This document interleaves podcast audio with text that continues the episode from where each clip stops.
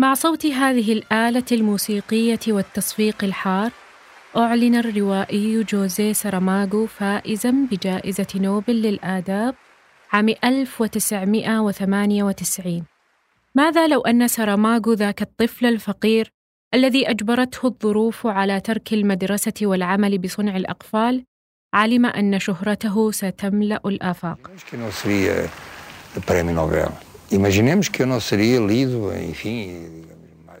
يقول ساراماغو لنفترض أنني لم أفز بجائزة أو لم أكن مقروءا في أنحاء العالم. إن ذلك لن يغير من آرائي التي أصرح بها شيئا.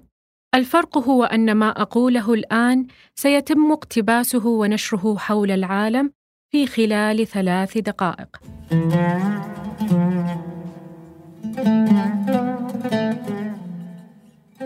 أهلا وسهلا بكم في الموسم الأول من بودكاست السارد، والذي نتناول فيه مجموعة من أهم الروائيين الذين أثروا في الروائي العربي المعاصر. نتحدث فيه عن تقنياتهم الروائية كيف كتبوا وما هي أدواتهم في حرفتهم حرفة الرواية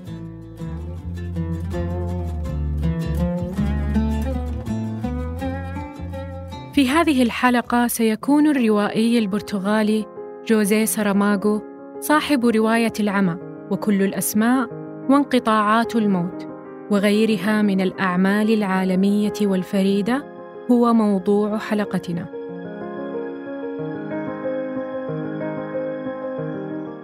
ولد ساراماغو عام 1922 في قرية صغيرة وسط البرتغال لأبوين أميين وفلاحين فقيرين. لا يملكان أرضاً ويعملان بالفلاحة في حقول الآخرين. حين ذهب الأب ليسجل ابنه في السجلات المدنية قال للموظف وهو يملي عليه اسم ابنه الوليد جوزيه دي سوسا. هكذا العائلة سوسا. لكن الموظف المخمور سمعه يقول ساراماغو أي الفجل البري؟ فكتب ساراماغو لم يدرك الأب الأمي هذا الخطأ إلا حين ذهب الطفل إلى المدرسة. وعرف أن اسمه لا يطابق اسم أبيه فقام الأب بتعديل اسمه ليوافق اسم ابنه. يقول الروائي الابن ساراماغو ظني أن هذه هي الحالة الوحيدة في تاريخ البشرية التي يسمي فيها الابن أباه. كان تلميذا جيدا لكن قلة ذات اليد أجبرته وهو في الثانية عشرة من عمره أن يترك المدرسة ويتعلم الميكانيكا وصنع الأقفال.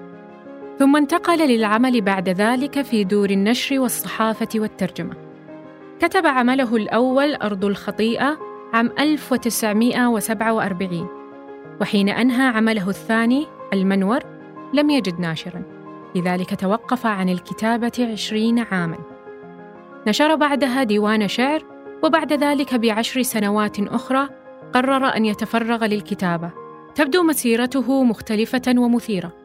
خصوصا إذا عرفنا أن شهرته لم تبلغ الآفاق إلا بعد أن بلغ الستين من عمره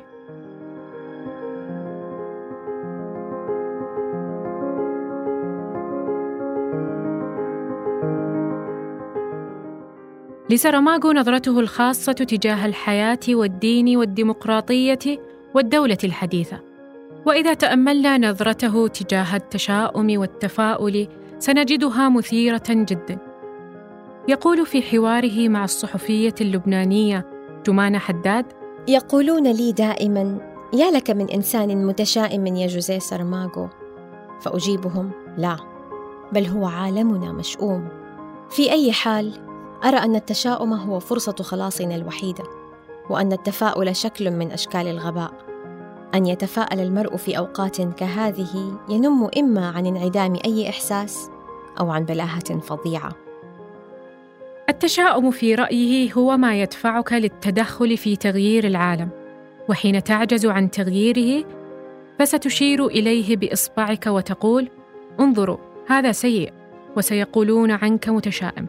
لذلك ليس غريبا أن نجده يؤمن بحلم شبابه بأن يكون كاتبا. ثمة أحلام تحتاج إلى الوقت لكي تنضج على الشجرة ومنها هذا الحلم.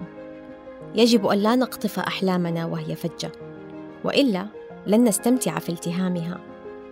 أنا انتظرت كثيرا إذ لم ينضج حلمي إلا بعدما صرت في خمسيناتي. آنذاك فقط بدأت أصدق أنه ربما لدي شيء أقوله وأنه يستحق القول فعلا. إنه نوع من التشاؤم الذي يفضل رؤية الحياة على حقيقتها ويدعو إلى العمل دون الحاجة إلى تزيين الواقع. ربما ثمة نوع من التشاؤم يحث على اليأس وعلى الجمود. ولكن ليس كل متشائم مرشحا لكي يطلق النار على نفسه. كان يعلم بأنه سيصبح كاتبا برغم توقفه عن الكتابة عشرين عاما. وليس لنا أن نفسر عودته للكتابة ثم قراره بالتفرغ بعد ذلك إلا أنه كان يؤمن بذاته. لكنه إيمان خال من الرومانسية. أنا لا أؤمن بالإلهام بل لا أعرف حتى ما هو. الكتابة هي عملي إنها ما أقوم به ما أبنيه بيدي. ما أعرفه هو أنه يجب علي أن أقرر الجلوس إلى مكتبي. وليس الإلهام هو ما سيدفعني إلى الجلوس. شرط الكتابة الأول هو الجلوس ثم تأتي الكتابة. أحيانا أفكر أن بناء رواية يشبه بناء كرسي. ينبغي أن يتمكن الإنسان من الاستقرار عليه بتوازن.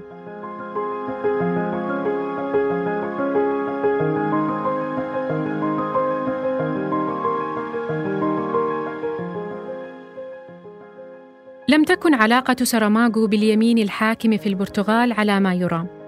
وحين نشر روايته الإنجيل بحسب يسوع المسيح في عام 1992 زاد غضبهم عليه. وعملت الحكومة على إعاقة ترشيحه لجائزة الرواية الأوروبية. واتهمته بانتهاك إرث البرتغاليين الديني. ومارست رقابة شديدة على كتبه. فقرر أن يترك البرتغال وهاجر مع زوجته إلى جزر الكناري. بعد ذلك بثلاث سنوات ظهر عمله الأبرز والأشهر رواية العمى، وتعتبر كما وصفها هو منعطفا حاسما في صوته الروائي، وبداية حقبة جديدة مختلفة عن كل ما سبقها. نسمع الحكائين كما في الكلاسيكيات يقولون: كان يا ما كان، لكن سراماغو ينطلق غالبا من ماذا لو؟ ماذا لو حدث كذا وكذا في حياتنا؟ فأعماله تدور حول إمكانية المستحيل. ومهما كان هذا المستحيل غير مفهوم ولا منطقي فإنه يطلب من القارئ أن يسايره.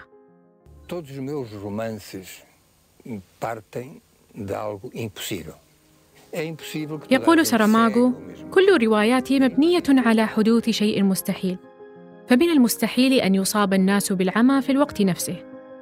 وأحداث الروايه كل الأسماء أيضا مستبعد حدوثها ومستحيل أن يكون كهف أفلاطون موجودا تحت مجمع تجاري.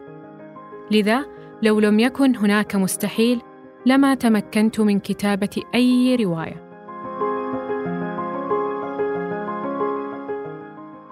عن هذه الفكرة وعن تقنيات سراماغو في أعماله وعن أسلوبه في السرد توجهنا بسؤال إلى الكاتب والمترجم محمد آية حنا عموما آه، ساراماغو ينتمي إلى نوعية الكتاب الذين يختارون أسلوبا ولا يغادرونه أبدا. أسلوبا واحدا في الكتابة يرونه مناسبا للتعبير عن كتابتهم وعن أفكارهم فيختارون الإقامة فيه إلى الأبد.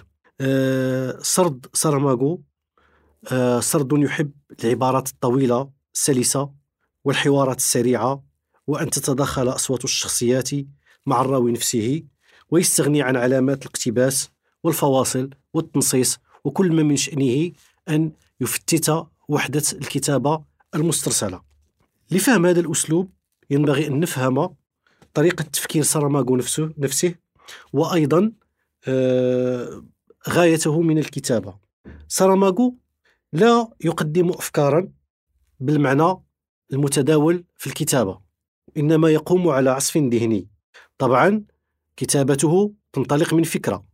لكن هذه الفكرة التي ينطلق منها لا يقدمها في شكل فكرة. سيحاول تطويرها وبلورتها أو شرحها للقراء وإنما يعمل على تقديم عصف ذهني للقراء. فالفكرة عنده ليست خبرا وإنما سؤالا.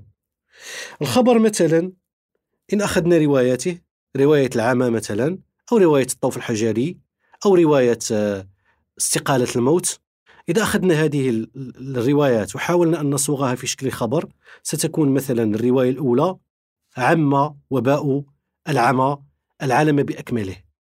لو أن سراماغو اختار أن يجعل روايته في شكل خبر فسيكون مطالبا أن يحاول أن يفسر هذا الخبر وأن يحاول على بلورته وتطويره. أما اختياره هو فلا ينطلق من صياغة أخبار وإنما صياغة أسئلة. روايته دائما تبدأ بفكرة ماذا لو؟ ماذا لو عم وباء العمى العالم وصار البشر جميعا عميانا؟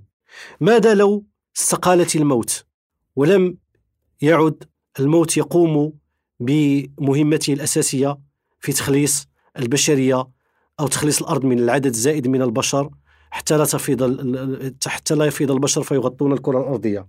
ماذا لو آه، استقالت شبه الجزيرة الإيبيرية عن أوروبا ومضت كطوف حجري في المحيط. عندما نطرح سؤالا بهذه الطريقة ماذا لو؟ فإننا نواجه قارئا نضعه في المعمعة. نحاول أن نبني عصفا ذهنيا. لهذا يكون القارئ مطالبا أن ينخرط منذ البداية في الرواية.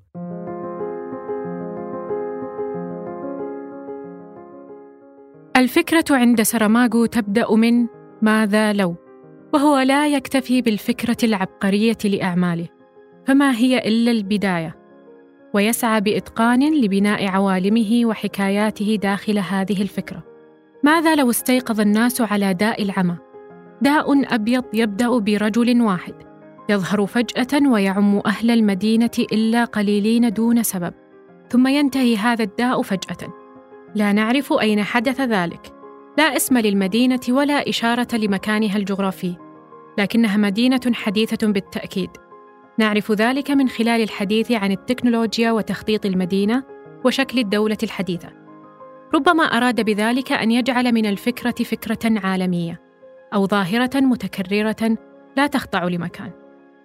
حين قاموا بتحويل الرواية إلى فيلم سينمائي اشترط سراماغو على المخرج فرناندو ميريليس ألا يظهر أي إشارة إلى مدينة ما وأن يكون طاقم الممثلين منوع الجنسيات ليوحي بما يريد.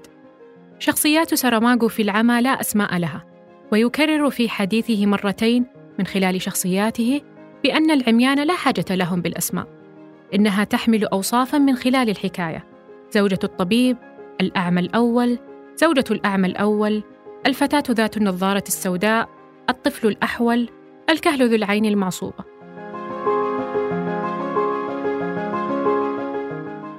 هل تكفي الفكرة العبقرية لإنتاج عمل عبقري؟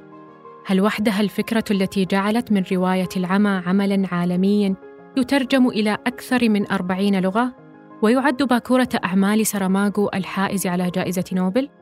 ماذا لو أعطينا هذه الفكرة لروائي آخر وقلنا له أكتب عن عمى أصاب الناس في مدينة حديثة بشكل مفاجئ ودون سبب. هل سيكون هذا كاف له لينتج رواية بقوة وجمال رواية العمى التي بين أيدينا؟ هذا هو الفرق بين الفكرة والحكاية. فالفكرة مثل المفتاح والمفتاح وحده لا يكفي لإنتاج عمل بديع. ورغم أهميته وتأثيره فهو خطوة أولى نحو الإبداع. فما بعد الفكرة الافتتاحية سيكون على الحكاية أن تكمل لنا المسيرة وأن تخبرنا كم هو سرماغو فنان ومبدع وعبقري ليجعل من الفكرة حكاية. يصاب الرجل الأول بالعمى. تبدأ الرواية بسيارته في زحام الإشارة. من الواضح أنه كان يصرخ بشيء ما ومن حركة شفتيه بدأ أنه يكرر بضع كلمات كلمتان تحديدا. أنا أعمى. الحكاية هي كيف عاد إلى بيته ومن قاد السيارة وكيف تعامل مع الأشياء للمرة الأولى التي لا يرى فيها شيئا هل فكر بزيارة الطبيب؟ كيف سيرى الطبيب هذا الداء الجديد؟ هل سيتساءل إن كان ثمة حالات أخرى؟ أم سيبلغ الجهات المعنية بداء جديد ذي علامات ليست واردة في كتب الطب؟ وحين زاد عدد المصابين ما الذي جرى؟ هل مكثوا في بيوتهم أم قررت الدولة حجرهم؟ وكيف سيكون مآلهم في الحجر؟ وكيف سيتعامل العميان مع بعضهم دون مساعدة إن كان الجميع يخشى مساعدتهم خوفا من العدوى؟ وماذا عن الأطفال والمرضى من سيعتني بهم؟ إنها الحكاية الحقيقية المبنية على فكرة العمى.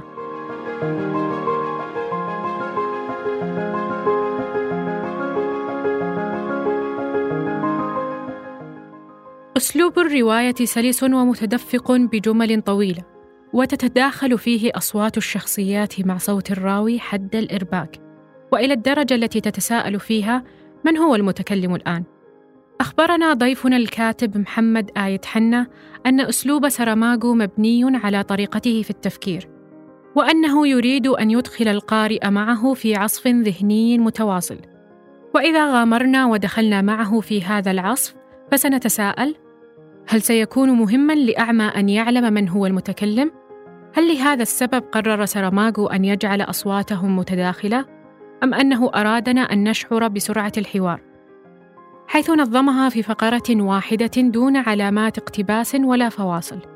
لنستمع مثلا إلى هذا الحوار بين طبيب عيون وزوجته. هذا الطبيب كان أحد الزمرة الأولى من المصابين، وحين أتوا لأخذه إلى المحجر من أجل عزله، قررت زوجته أن تذهب معه. قالوا لها إن الأوامر تقضي بعزل العميان وحدهم، فقالت إنها مصابة بالعمى. هكذا تظاهرت. تخيل أنك تقرأها في فقرة واحدة دون علامات ولا مسافات. سبقها وقال: أنت لست عمياء، لا يمكنني السماح لك بالبقاء هنا. نعم أنت محق فأنا لست عمياء. سأطلب منهم أن يعيدوك إلى البيت إذن، وسأبلغهم أنك كذبت عليهم كي تبقي معي. لا فائدة من هذا، فلن يستطيعوا سماعك من هذا البعد، حتى إن سمعوك فلن يهتموا. لكنك تبصرين.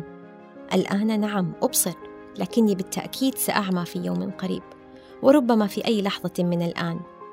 أرجوك عودي إلى البيت. هنا يتداخل صوتان، ولك أن تتخيل سردا لثلاثة وأربعة أصوات مضافا إليها صوت الراوي، الذي يتخذ أشكالا عدة في هذا العمل. تقرأ الفقرات الطويلة والمكثفة وتشعر بأنك تجري ملاحقا تسلسل الأحداث والأفكار، ثم تأخذ نفسا قصيرا بعد انتهاء كل مشهد. يحضر الراوي بشكل عام على السطح، لا يتدخل كثيرا. يتحدث بضمير الغائب ويعرف أفكار شخصياته ومشاعرهم دون التوغل عميقا. فسراماغو يحب الرؤية البانورامية. ثم فجأة يكسر هذا النمط ويربكنا كقراء ويختلط صوته بصوت شخصياته أو يرى من جهتهم للتهكم على ما يجري أو لسبب آخر لا نعرفه لكننا نشعر به وهو يروي مثلا نحن وهو نعرف أن زوجة الطبيب ليست عمياء لكنه يقول فجأة من المحتمل أن العميان الأكثر موهبة سرعان ما يتطور لديهم ما يشار إليه بالرؤية الجبهية. خذوا مثلا زوجة الطبيب إنه لأمر خارق كيف أنها تنجح في الانعطاف وتوجه نفسها في متاهات الغرف هذه؟ كيف تتوقف عندما تبلغ بابا فتحته بدون تردد ولو للحظة؟ لقد أصبح فجأة هذا الراوي العليم لا يعلم أنها عمياء. وفي مشهد لاحق يصفها وكأنه لا يعرفها وكأنها تظهر أمامه للمرة الأولى. كان بين المحتجزين العميان امرأة تركت انطباعا بأنها موجودة في كل مكان في الوقت نفسه. تساعد في تحميل الصناديق تتصرف وكأنها تقود الرجال وهذا أمر محال على امرأة عمياء وسواء بالمصادفة أم عن عمد تلفتت أكثر من مرة صوب جناح حاملي العدوى كأنها قادرة أن تراهم أو تحس بوجودهم. في رواية أخرى قد نصف هذا الأمر بالفوضى. فلا هو بالراوي العليم ولا هو بالشخصية. لكن ماذا لو نفذ ذلك بمهارة؟ وأصبحت الفوضى نمطا. وأصبحنا نشعر بالسلاسة. أليس هذا هو الإبداع والعبقرية الفنية؟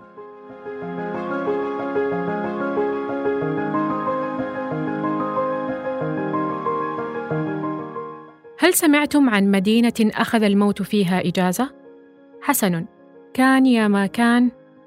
أو عفوا. فكما يحب سراماغو ماذا لو؟ يبدأ روايته انقطاعات الموت بالعبارات التالية. في اليوم التالي لم يمت أحد. وعلى نقيض ما فعله مع العمى والذي لا يمكن أن يفترض شخص أنه خير للبشرية تأتي عبقرية انقطاعات الموت بأنها تكشف أن حلم الخلود الذي أرهق البشرية سيكون كابوسا لو تحقق. ويمكن اعتبار الرواية وكأنه عمل في امتداح الموت. أو ربما إظهار أنه إذا لم نمت فلا مستقبل لنا. كان سراماغو يعيد قراءة إحدى روايات ريلكا فخطرت بباله فكرة وبالنسبة له فكل شيء يبدأ من الفكرة. ماذا لو أن الموت لم يستطع أن يتمكن من شخص محدد؟ كانت هذه هي الشرارة التي بدأت منها. لم تكن البداية أن أجعل الموت يضرب عن دولة كاملة. وهو ما يحدث في النصف الأول من كتابي. هذه الفكرة أتتني لاحقا بعد الفكرة العامة. وفي عام 2005 أي بعد حصوله على جائزة نوبل بسبع سنوات كان أن نشر انقطاعات الموت. يقدم سراماغو من خلال الرواية نظرة بانورامية لما سيحدث في حال انقطع الموت. وبدلا من أن يقدم ذلك من خلال شخصيات محددة فإنه يركز على كشف ما سيقوم المجتمع بفعله حال إضراب الموت وما يرتبط بذلك من مصائب كتكدس الناس في المستشفيات وسقوط الثقة بالدولة والكنيسة وخسارة كثير من الأعمال الاقتصادية التي تتربح بالموت. ولذلك فالرواية تغيب عنها الشخصيات إلا قلة من المشاهد التي يحضر فيها أشخاص مجهولون يحضرون كاستشهاد لدى الراوي عن حالة معينة. أو أولئك الذين يرتبطون بدورهم المؤسسي لا بصفتهم الشخصية. هذا في البداية ثم تنحو الرواية منحا آخر لا يؤثر على النظرة البانورامية بالعموم. يعلم سراماغو أن فكرة كهذه لا يمكن لعبارة مفتاحية واحدة أن توفيها وتقنع القارئ بها. فيكرر في صفحات عدة وعبر عبارات كثيفة وواضحة بأنه جاد في فكرته. كان المساء قد تقدم كثيرا عندما بدأت تنتشر الإشاعة بأنه منذ بدء السنة الجديدة وبدقة أكثر منذ الساعة صفر من هذا اليوم الأول من كانون الأول يناير الذي نحن فيه لا يوجد دليل على حدوث حالة وفاة واحدة في البلاد. حتى هذه اللحظة يأخذ سراماغو بأيدينا نحو الخبر الذي قد بدأ ينتشر. إنه أمر غامض حقا. فعلى الرغم من وقوع حوادث كثيرة على الطرق العامة، لا وجود لدليل على أن شخصا واحدا قد مات. أن الأمر كما يقول سراماغو يبدأ من الفكرة والفكرة وحدها لا تكفي فلا بد من الحكاية المنسوجة في سرد ذكي ومحكم ومن هنا تخرج الأعمال العظيمة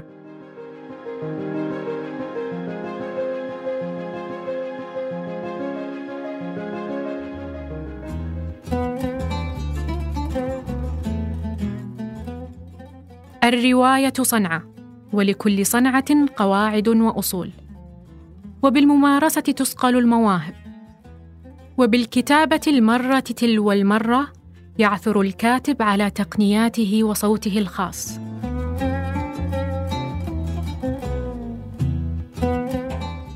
تم إنتاج هذا البودكاست بدعم من مبادرة دعم المحتوى بمركز الملك عبد العزيز الثقافي العالمي بالظهران إثراء. في الختام شكرا لضيفنا محمد آية حنا ولقارئة الاقتباسات الأستاذة داليا تونسي. وهذه تحية مني أنا خلود دباسي ومن فريق الإعداد في كولاج للفنون وطابت أوقاتكم.